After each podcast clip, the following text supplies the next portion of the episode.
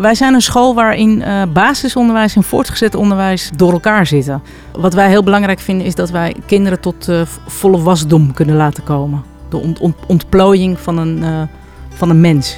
Dat je daaraan mag bijdragen. Welkom bij een nieuwe aflevering van de serie Nivels podcast. Mijn naam is Janja Pubeek en in deze aflevering ontmoet ik Camille de Adelhard Torop. Camille is als schoolleider vijf jaar geleden Spring High gestart. Een tienerschool waarin je in groep 7 kunt instromen en met elk theoretisch diploma kunt uitstromen. Ik ben benieuwd naar deze bijzondere school en vooral de pedagogische opdracht die erachter zit. Welkom Camille in de podcast. Dankjewel. Vertel, waar zijn wij? Wij zijn nu uh, op Spring High, een school in uh, Amsterdam Nieuw-West. Wij noemen het zelf uh, een leergemeenschap waarin de beweging centraal staat. En wat bedoel je met de beweging? Het letterlijke bewegen, dat kinderen elke dag een uur sport hebben. Uh, dat is anders dan uh, de gebruikelijke scholen. En een beweging in de, in de geest. Dus het leren, het groeien, het continu in beweging zijn. Ook het, het bewegen van dat je niet altijd maar achter je tafeltje hoeft te zitten. Maar dat je op, op het leerplein waarop je zit eventjes kan wandelen. Naar de wc, naar een vriend, naar de meester, naar de juf. Het zit niet vast, je mag bewegen en je lijf doet ertoe. Precies, ja. En wat zie je voor effect? Wat zie je bij kinderen gebeuren? Dat je eigenlijk hoofd, handen en hart misschien wel aan elkaar verbindt. Uh, dat, dat is wel wat we inderdaad proberen te doen. Uh, wat wij zien is dat kinderen, sommigen heel erg bewegelijk zijn. En daardoor nog bewegelijker misschien wel blijven of worden. En dus hun wandelingetjes echt wel pakken. Naar de wc en dan weer naar weer een ander leerplein. Kan soms heel lastig zijn voor, uh, voor ons volwassenen. En aan de andere kant zie je daardoor ook wel weer heel veel rust ontstaan. Want het niet continu gecorrigeerd worden op je beweging, op je stilzitten en luisteren, maakt wel dat je als je een keer iets moet doen, waarbij even concentratie nodig is, dat we dat ook gerust kunnen vragen en krijgen. Wat ik wel leuk vind, ik, ik stel je de vraag: wat voor school zijn jullie? En je begint over bewegen. Want wat voor kinderen zitten hier op school? Wat, wat, wat voor schoolsysteem ben je? Ja, dat, ik, ik bedacht het me ook. Hè. Ik dacht van ja, voor mij is het al zo gewoon wat ja. wij hier doen. Um, en dat bewegen, dat vind ik extra belangrijk. Wij zijn een school waarin uh, basisonderwijs en voortgezet onderwijs door elkaar zitten. Dus dat is eigenlijk het heel bijzondere. Wij hebben hier in dit, op deze locatie hebben wij uh, vanaf groep 7 tot en met straks 6 VWO in huis. En dan hebben we nog een andere locatie. En daar proberen we een, een basisschool om te vormen in onzezelfde visie en stijl. Vanaf groep 1 dan. Dus dan heb je groep 1 tot en met 6 daar. Hier komen ze hier bij groep 7 en dan uh, gaan ze met een diploma naar huis. En dan stromen ze door naar elke ja. einddiploma. Dat is de wens. We hebben nu alleen nog het theoretisch gedeelte. Dus uh, MAVO, HAVO en VWO-examens. In de toekomst willen we graag echt breed uh, onderwijs kunnen aanbieden.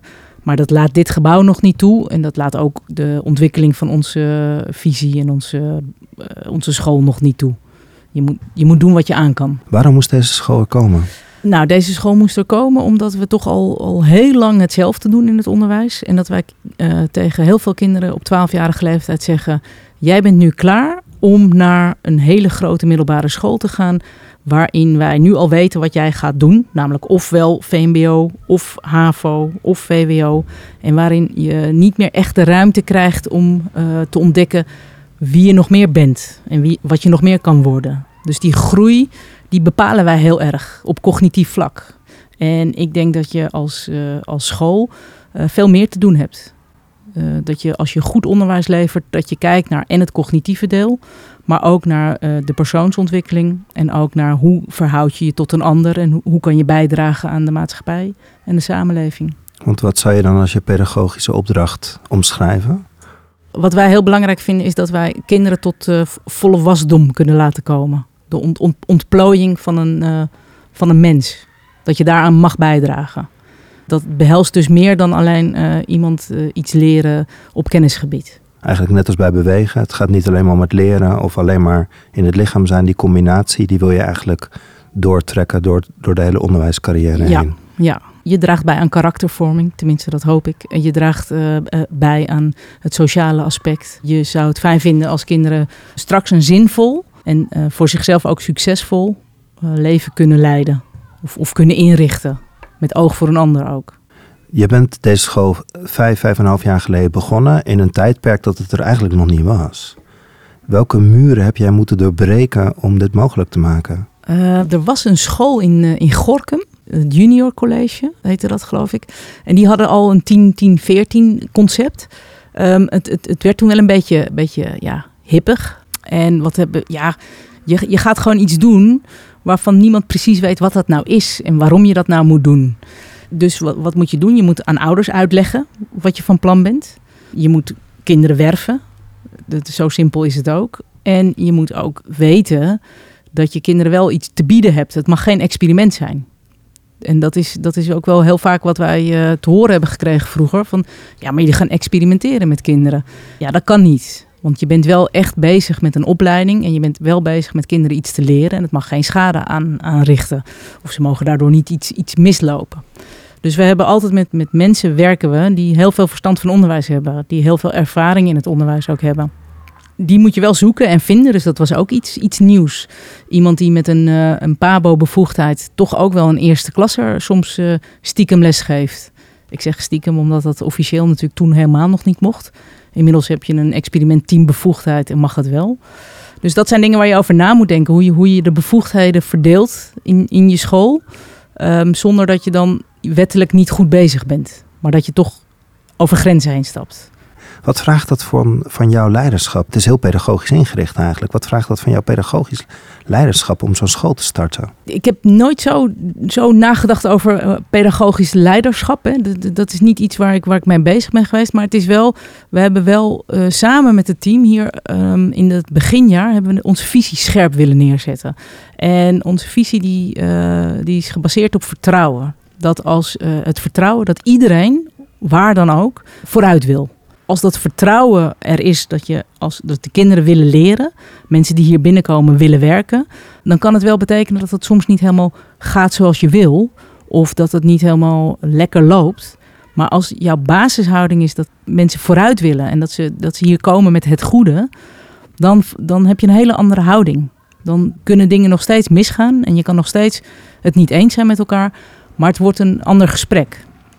En dat is soms heel lastig, want niets menselijks is mij vreemd. En ik merk wel dat wij zo, zo gericht zijn op groei en ontwikkeling en op het zien van elkaar, dat je een soort, ja, een, een veel rustiger en met veel meer ruimte en, en aandacht voor een ander dingen voor elkaar krijgt.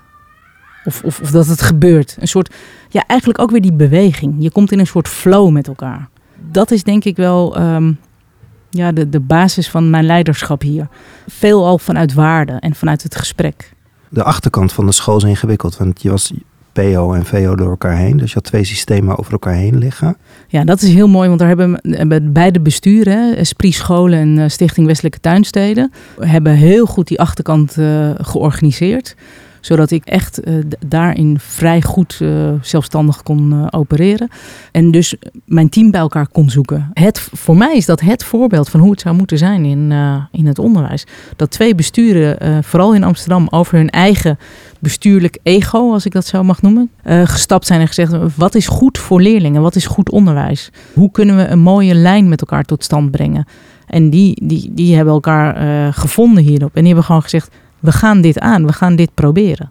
Ja, dat is, dat is toch fantastisch. Als, als, ik zou heel veel besturen gunnen om zo te kijken naar wat is goed voor kinderen.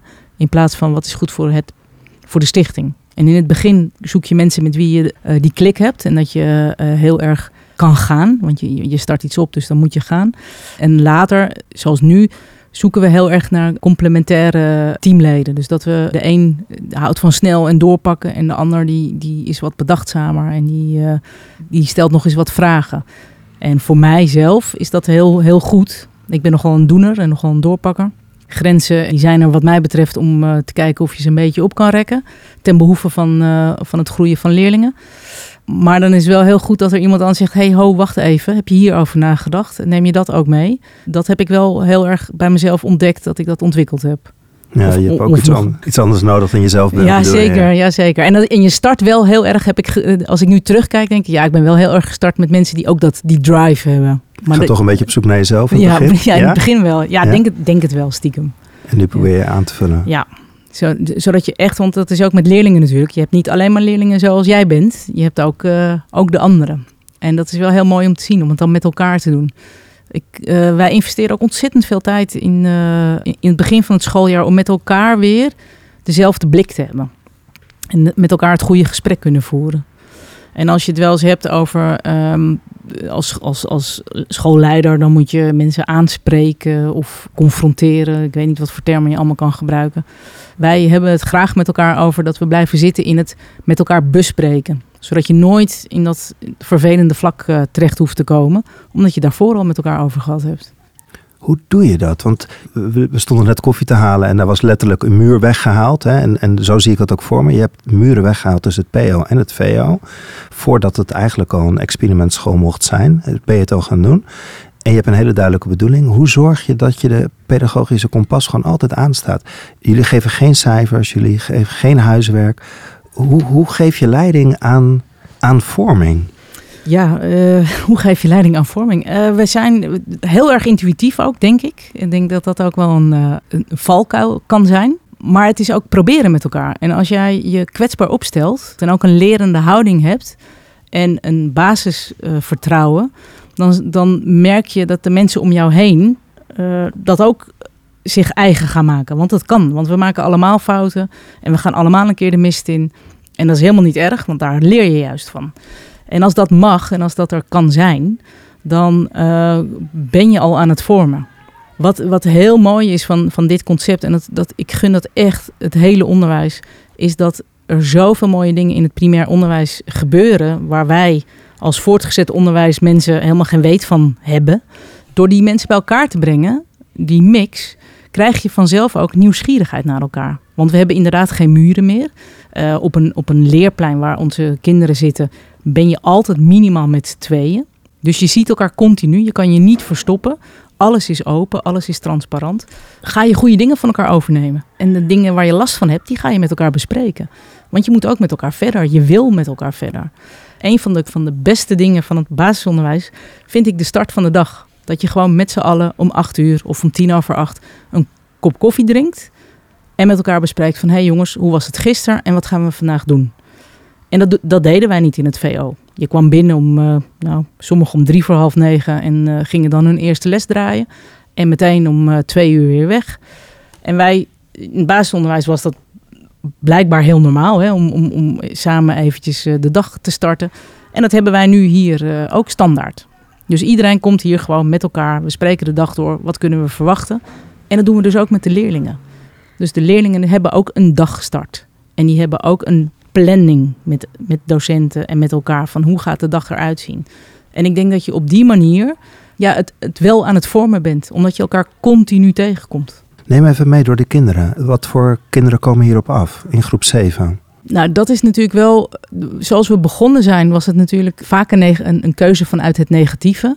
Als je namelijk op een school zit, op een basisschool en het gaat allemaal goed, ga je niet naar groep 6 weg.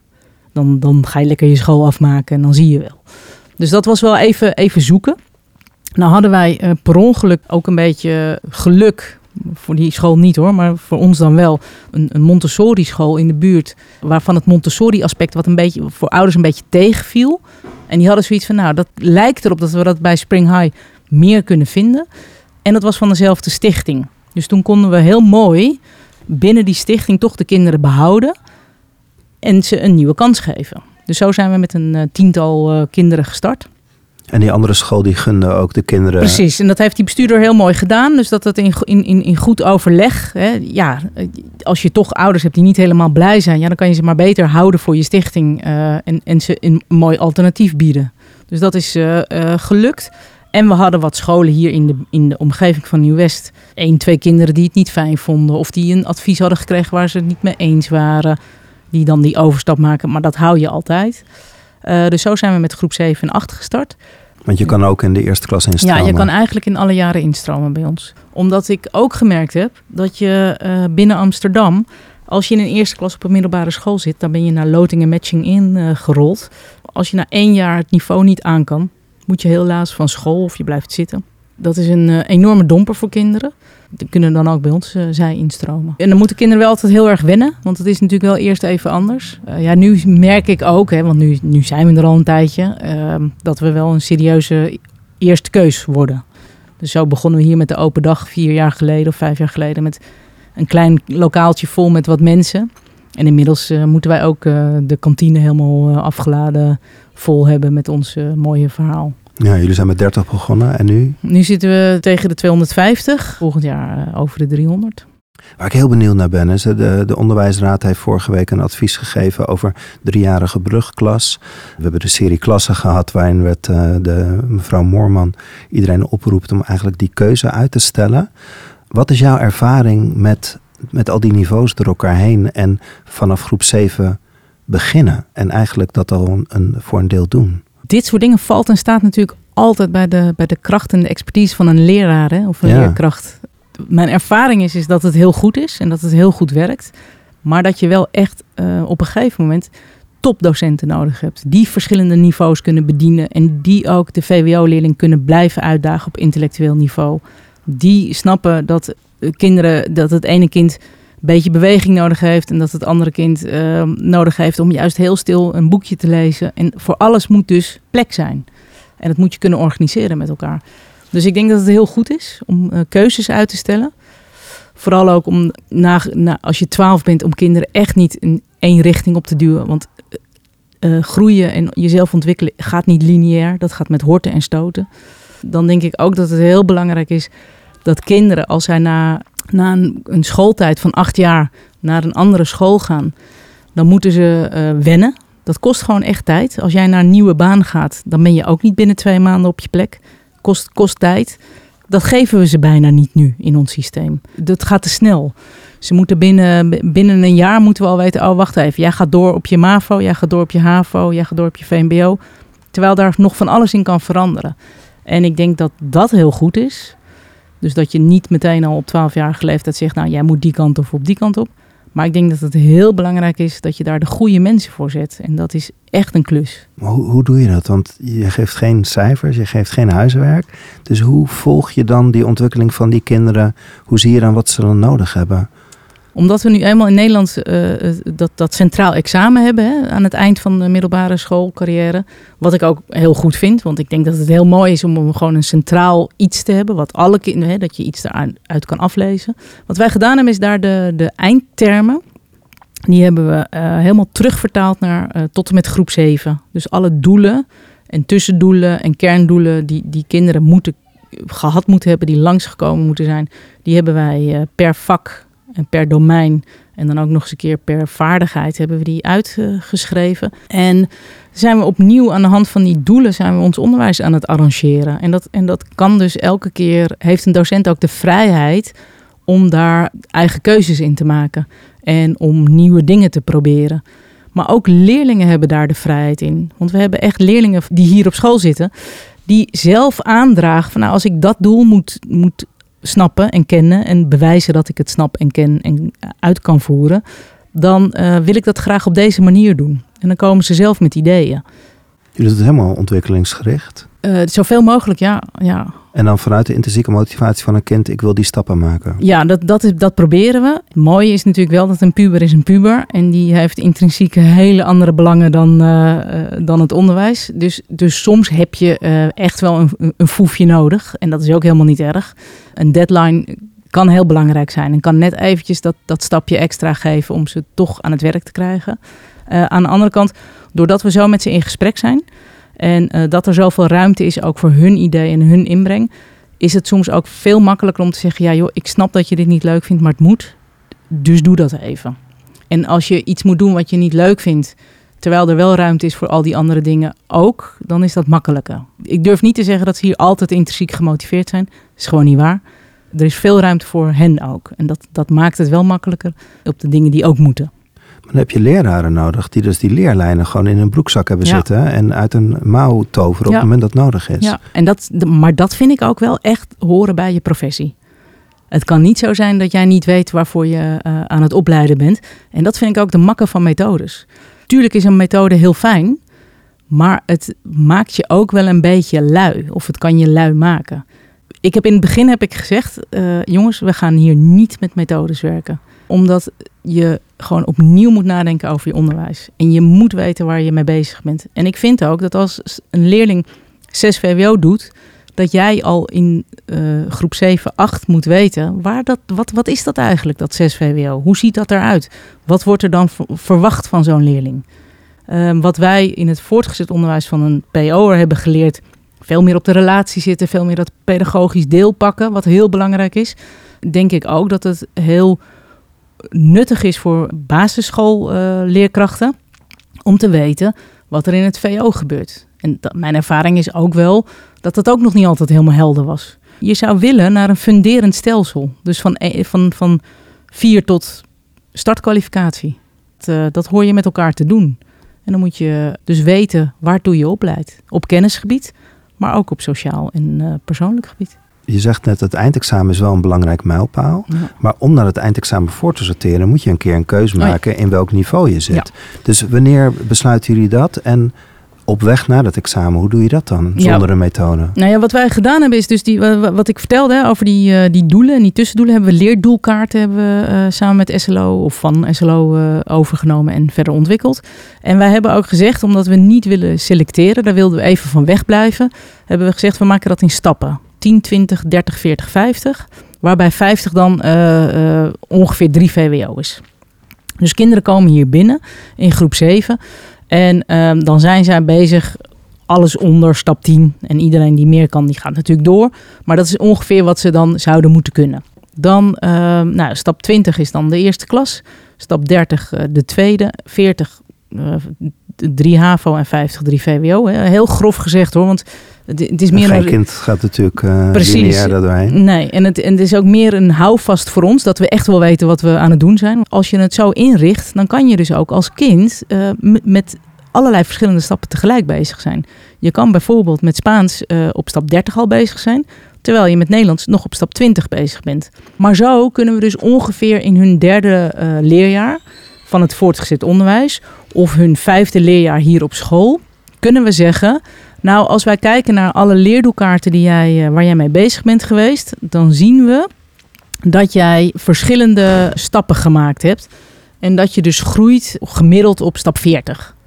Nou, dan weten wij, hey, stap 40, dat is, uh, dan zou een HAVO-bovenbouw het best bij jou passen. En zo gaan we samen met kinderen en ouders in gesprek over wat zij denken dat bij hen past. En dan kunnen we dat laten zien.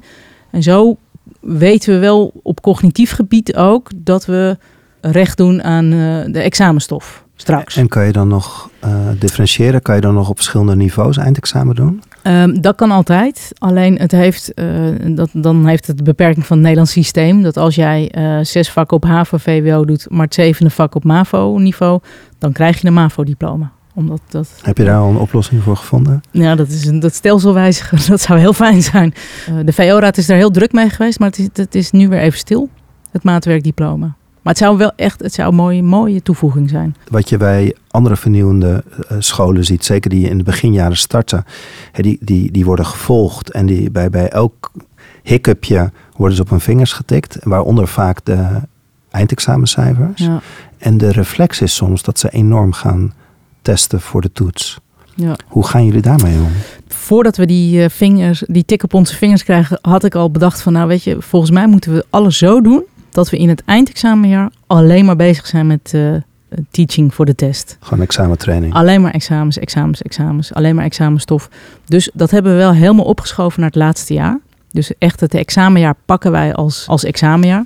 Dat was ook een omslag voor docenten trouwens. Die hadden zoiets van ja, maar je moet toch al in je voorexamenjaar beginnen met, met afnemen van examenstof. En dan moest ik wel heel erg uh, denken aan de periode dat de tweede fase werd ingevoerd. Toen kwam ik net in het onderwijs te werken en toen was het echt, nou dat kon echt niet. Je kon echt niet in de vierde al met uh, examen bezig zijn als je, in als je pas in de zesde e echt examen deed. Dus uh, ik vond het wel grappig om dan nu te merken dat het nu weer andersom niet kan. Maar het kan dus wel. Dus we zijn echt in, het, in 4 MAVO, 5 HAVO en 6 VWO zijn we alleen maar bezig met examenstof en echt met dat cognitieve kennisdeel. Maar je ziet dan ook dat die kinderen die hebben dan één jaar lang, uh, ze zijn A wat ouder, ze zijn vanaf hun zestiende zijn ze ook al meestal weer wat rustiger. Het ergste van de puberteit is er weer even af. Daarna komt het wel weer terug hoor, maar even rust. En die focus van het examen een jaar lang, dat trekken ze wel Op een of andere manier. Dat is heel erg gericht op kwalificatie. Ja. Dan hebben we Gert Bista die zegt we hebben ook nog socialisatie Ja. en persoonsvorming. En dat is een van de redenen waarom jullie dit zijn gestart. Wat voor soort populatie kinderen hebben jullie? Kan je daar iets over zeggen? We zitten in Amsterdam Nieuw-West. Is het een afspiegeling van de wijk? Kan je, kan je daar iets over Nou, zeggen? we, we hebben heel veel jongens. En Ja? dat heeft ermee te maken dat we elke dag sport hebben. En ook dat het heeft het ermee te maken dat jongens echt het eerst vastlopen in het, eh, in het eh, hedendaags onderwijs. Waarin ze echt alleen maar stil mogen zitten en alleen maar mogen luisteren. En niet even, even druk doen. Jongens moeten ook even een beetje druk doen en dat moet Ja. ook kunnen. En voor de rest hebben wij echt eh, Amsterdam hier. Heel Amsterdam. Mensen uit de wijk, maar ook mensen uit eh, Zuid, uit de stad. Het is echt een hele, hele diverse club. Ze komen echt op het concept, echt op die brede vorming. Ja, ik, ik, ik weet niet, niet alle kinderen komen echt op het concept. Want kinderen komen ook soms gewoon omdat hun vriendje komen. Ehm, maar ouders komen steeds meer op, op, af op het verhaal. En op dat wat we aan het doen zijn. En ook op het uitstel van eh, selectie. Je hebt ruimte gemaakt in dat systeem. Hoe geef je daar vorm aan? Wat wij bijvoorbeeld doen hier op school is dat wij de, een soort combinatieklassen hebben. Als je daarmee eh, kan vergelijken. We hebben leerpleinen. Die leerpleinen zijn heel groot. Daar zitten eh, tussen de 45 en 50 kinderen zitten op een leerplein. Maar dat zijn ook grote ruimtes. Waarin ook plek is om je even eh, terug te trekken. En de kinderen zitten bijvoorbeeld vanaf groep 7 tot en met de eerste klas. Die zitten door elkaar. De tweede en de derde klassers die zitten ook door elkaar. En dan hebben we ook de hele bovenbouw, 4, 5, 6, zitten allemaal door elkaar. En dat maakt al dat je bezig bent continu om te kijken bij wie hoor ik, waar wil ik bij horen, wie ben ik en wat kan ik. Want dat, dat hele sociale aspect gebeurt op zo'n leerplein. Je zit elke dag eh, op hetzelfde leerplein. Dat is ook jouw, jouw kleur. Hebben we voor gekozen om niet de, de zeg maar, je, je hebt een eerste klas, een tweede klas of groep 7 of groep 8. Wij hebben gewoon leerplein geel, oranje, blauw, groen, rood, paars. Heel simpel. Want zo'n kleur, daar zit verder helemaal niets aan, aan waarde of, of leeftijd. Helemaal niks, alleen maar de kleur. En we merken dat die kinderen dat echt heel fijn vinden. Is nu een leerling die wil bijvoorbeeld niet, wil, mag over, maar wil niet over. Hè, want wij hebben natuurlijk niet over. Maar ja, ik wil zo graag nog op leerplein blauw blijven. Want dat is echt helemaal mijn plein. Ja, dat vond ik heel eh, opmerkelijk. Maar dat kan dan.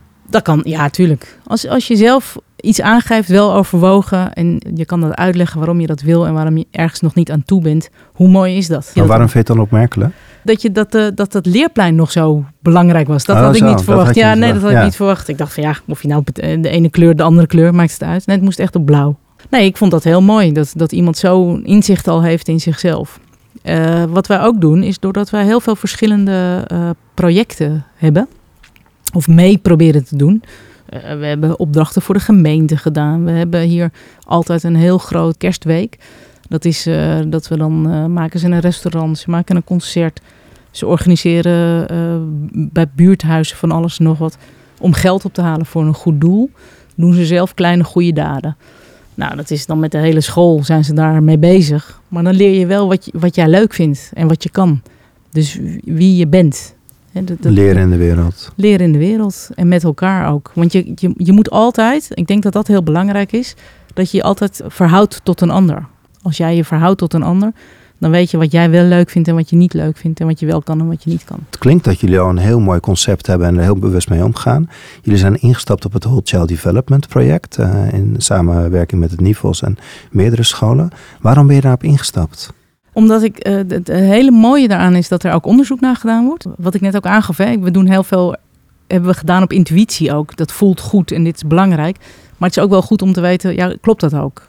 Hè? Doe je wel de goede dingen? Want kan je in een paar zinnen vertellen wat het Whole Child Development project is? dat je gaat kijken hoe je een, een, een kind als kind kan gaan beschouwen. En als kind zich in ten volle kan laten ontwikkelen. Dus met alles wat iemand nodig heeft. Dus dat we niet meer alleen maar bezig zijn met het, met het kennisgedeelte. Dat is een beetje wat voor mij het, hele ja, het hele kind eh, ontwikkelen. En dat, dat is denk ik wat we ook nodig hebben. Als je kijkt nu naar de maatschappij met hoe, hoe de polariteiten ontstaan denk ik dat je daar in het onderwijs heel erg kan bijdragen om te laten zien dat we juist met elkaar kunnen leven en dat we eh, in verbinding met elkaar eh, tot hele mooie eh, zaken kunnen komen. Dat sprak mij ontzettend aan. Eh, wat ik net aangaf over jongens die altijd stil moeten zitten en niet mogen bewegen. Als je naar het hele kind kijkt, dan mag zo'n jongen prima bewegen. En dan mag hij prima stoeien en rennen door de gang. Ook al heb ik er last van. Maar ik bedoel, dan kan je wel begrijpen waar het vandaan komt. Dus dat was wel iets wat ons heel erg aansprak. Waarvan we zeiden, hey, dit, dit, dit kan zoveel meer betekenen voor alle kinderen. Dat je ook de kansen geeft. Ik vind jammer dat het heel vaak over achterstanden gaat. En over kansenongelijkheid. Ik zou zo graag als we het over kinderen hebben, over de kracht van de kinderen willen hebben. En dat we die krachten die ze al hebben, dat we die kunnen benutten en, uh, en ze daar veel meer sturing over kunnen geven. Dat zou mooi zijn. En waar doe je dan bijvoorbeeld onderzoek naar? Of waar ben je nieuwsgierig naar als het gaat eigenlijk over die persoonsvorming en die, en die vormende kant van die kinderen. Kijk, wij doen nu gewoon, nou, ik zou niet willen zeggen wij doen maar wat, maar het is nog niet helemaal, volgens mij kunnen we daar nog veel meer uithalen dan we nu in zitten. Ik heb nu een paar uh, bijeenkomsten bijgewoond, Whole Child Development gericht op leiderschap. En daarvan zie ik zelf al dat ik denk, oh ja, dat geeft mij veel meer inhoud, veel meer basis om, om over na te denken. er, is, er zijn zoveel dimensies aan een mens. Ik bedoel, ik zat heel erg in het fysieke en het emotionele. Uh, maar er is zoveel meer nog. Dat geeft dan toch meer houvast. En we zitten nog heel erg aan het begin. Hè? Eh, dus ik hoop dat we, um, dat we het echt heel goed kunnen verankeren in, in, in de school. Zodat als de groep die er nu zit, als die weggaat, dat het ook gewoon doorloopt. En ik denk dat zoiets, daar, zo'n, zo'n, zo'n traject heel goed daarbij kan helpen. Helpt het ook in de verantwoording naar de buitenwereld? Wat je in het begin zei, van ze zagen ons toch als een experiment in eerste instantie. Um, Helpt dat ook? Of helpt dat vooral je handelen versterken in de, in de dag? In ik, de dag? ik denk dat het ons handelen versterkt in de dag. Het, het zal ook helpen in uh, de verantwoording naar de buitenwereld. Maar dat is niet de reden waarom, ik het, uh, uh, waarom we dat nu doen. Ik zou zo graag willen dat wij in het onderwijs ook gewoon, gewoon trots zijn op dat wat we doen. En dat we niet continu, dat we continu het gevoel hebben dat wij iets moeten van een ander. En dat we ons moeten verantwoorden. Wat wij hier doen is echt prachtig onderwijs maken. En daar kan niemand, met welk papiertje dan ook, zeggen dat het niet goed is. Want het klopt gewoon wat we doen. Natuurlijk maken we fouten. En niet alles gaat 100%. Maar wat we doen, dat je, dat je wil dat kinderen zich ontwikkelen en dat ze groeien, dat klopt. En daar zijn we keihard voor aan het werk. Dus, dus in die zin heb ik niet het gevoel van, oh, ik, ik heb iets nodig om te laten zien dat we het goed doen. Dat weet ik. Dat, dat, dat is, loop hier in de school en je hebt het bewijs. En dat zou mooi zijn als we dat in het onderwijs Weet je, we zijn, het is het allermooiste beroep van de hele wereld. Dat je zoiets kan doen met kinderen en dat je ze kan laten groeien en met mensen werken. Nou, hoe mooi wil je het hebben? Dus ik heb een, ooit een keer al geroepen, ik snap niet dat er niet rijen dik voor de, voor, voor de deur staan op de pabo's en de lerarenopleiding van ik wil in het onderwijs werken. Maar wij zouden wel veel trotser mogen zijn. En dat als er dan weer iets komt wat het onderwijs moet oplossen, dat wij ook zeggen als veld: nee, dat lossen wij niet op, want daar zijn wij niet van. Wij zijn ervoor om die kinderen in een cruciale periode in hun leven kennis mee te geven, kennis over zichzelf mee te geven en kennis over hoe je met elkaar een mooie wereld maakt. Als je dat denkt, ja, dan heb je niet het Whole Child Development onderzoek nodig om te laten zien dat we het goed doen. Maar het helpt wel. Waar schuurt het wel voor jou? Waar vind je het wel lastig? De, soms word je wel moe van dat je je altijd moet uitleggen en dat je al die vragen moet beantwoorden die je kan beantwoorden, maar dan denk ik ook wel van jongens, stel die vragen ook aan het traditionele onderwijs. Stel dezelfde vragen en, en wacht dan de antwoorden af. Dat vind ik wel eens dat ik denk, ja, het is niet zo dat we het nu al 150 jaar goed doen. En het is ook niet zo dat wij zeggen dat het al 150 jaar slecht is, want dat is het ook niet. Maar dat we met elkaar gaan kijken naar hoe het anders kan en wat anders zou moeten en wat beter kan, dat zou wel een mooi open gesprek zijn. Dus daar, daar word ik wel gefrustreerd van. Je zegt net van ik hou niet van het woord kansengelijkheid of kansenongelijkheid. Maar is het in die zin niet wel een antwoord op kansengelijkheid? Ja, nee zeker, omdat je naar die kinderen kijkt. Ik vind niet dat CITO voor kansengelijkheid zorgt. Vind ik helemaal niet. Dat wordt dan nu gezegd, hè? Ja, je, moet, je, moet, je moet de CITO afnemen of een andere eindtoets, want anders doe je die kinderen tekort. Dat is wat mij betreft niet waar. Maar wat zien jullie dan gebeuren? Zie je kinderen in HAVO, VWO verschijnen die, die wellicht naar aanleiding van een CITO er helemaal niet terecht waren gekomen? Jazeker. Jazeker. En ook, en, ja, absoluut. En ook kinderen die, uh, maar dat zag ik al toen ik nog op gewone scholen werkte, zag ik ook kinderen met een fantastische CITO, die later totaal, uh, ja, niet door de man vielen, maar dat niet uh, op, op, op cognitieve capaciteit waarmaakten.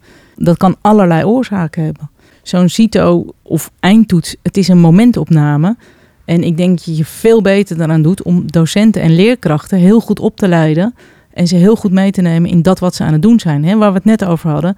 Dat, dan moet een docent wel zijn hele leerlijn uit zijn hoofd kennen. Ja, precies. Want dan weet je wat een kind kan. Je moet niet alleen je eigen vak en je eigen leerling uit je hoofd kennen. Je moet ook de ontwikkelingspsychologie van zo'n leerling goed weten.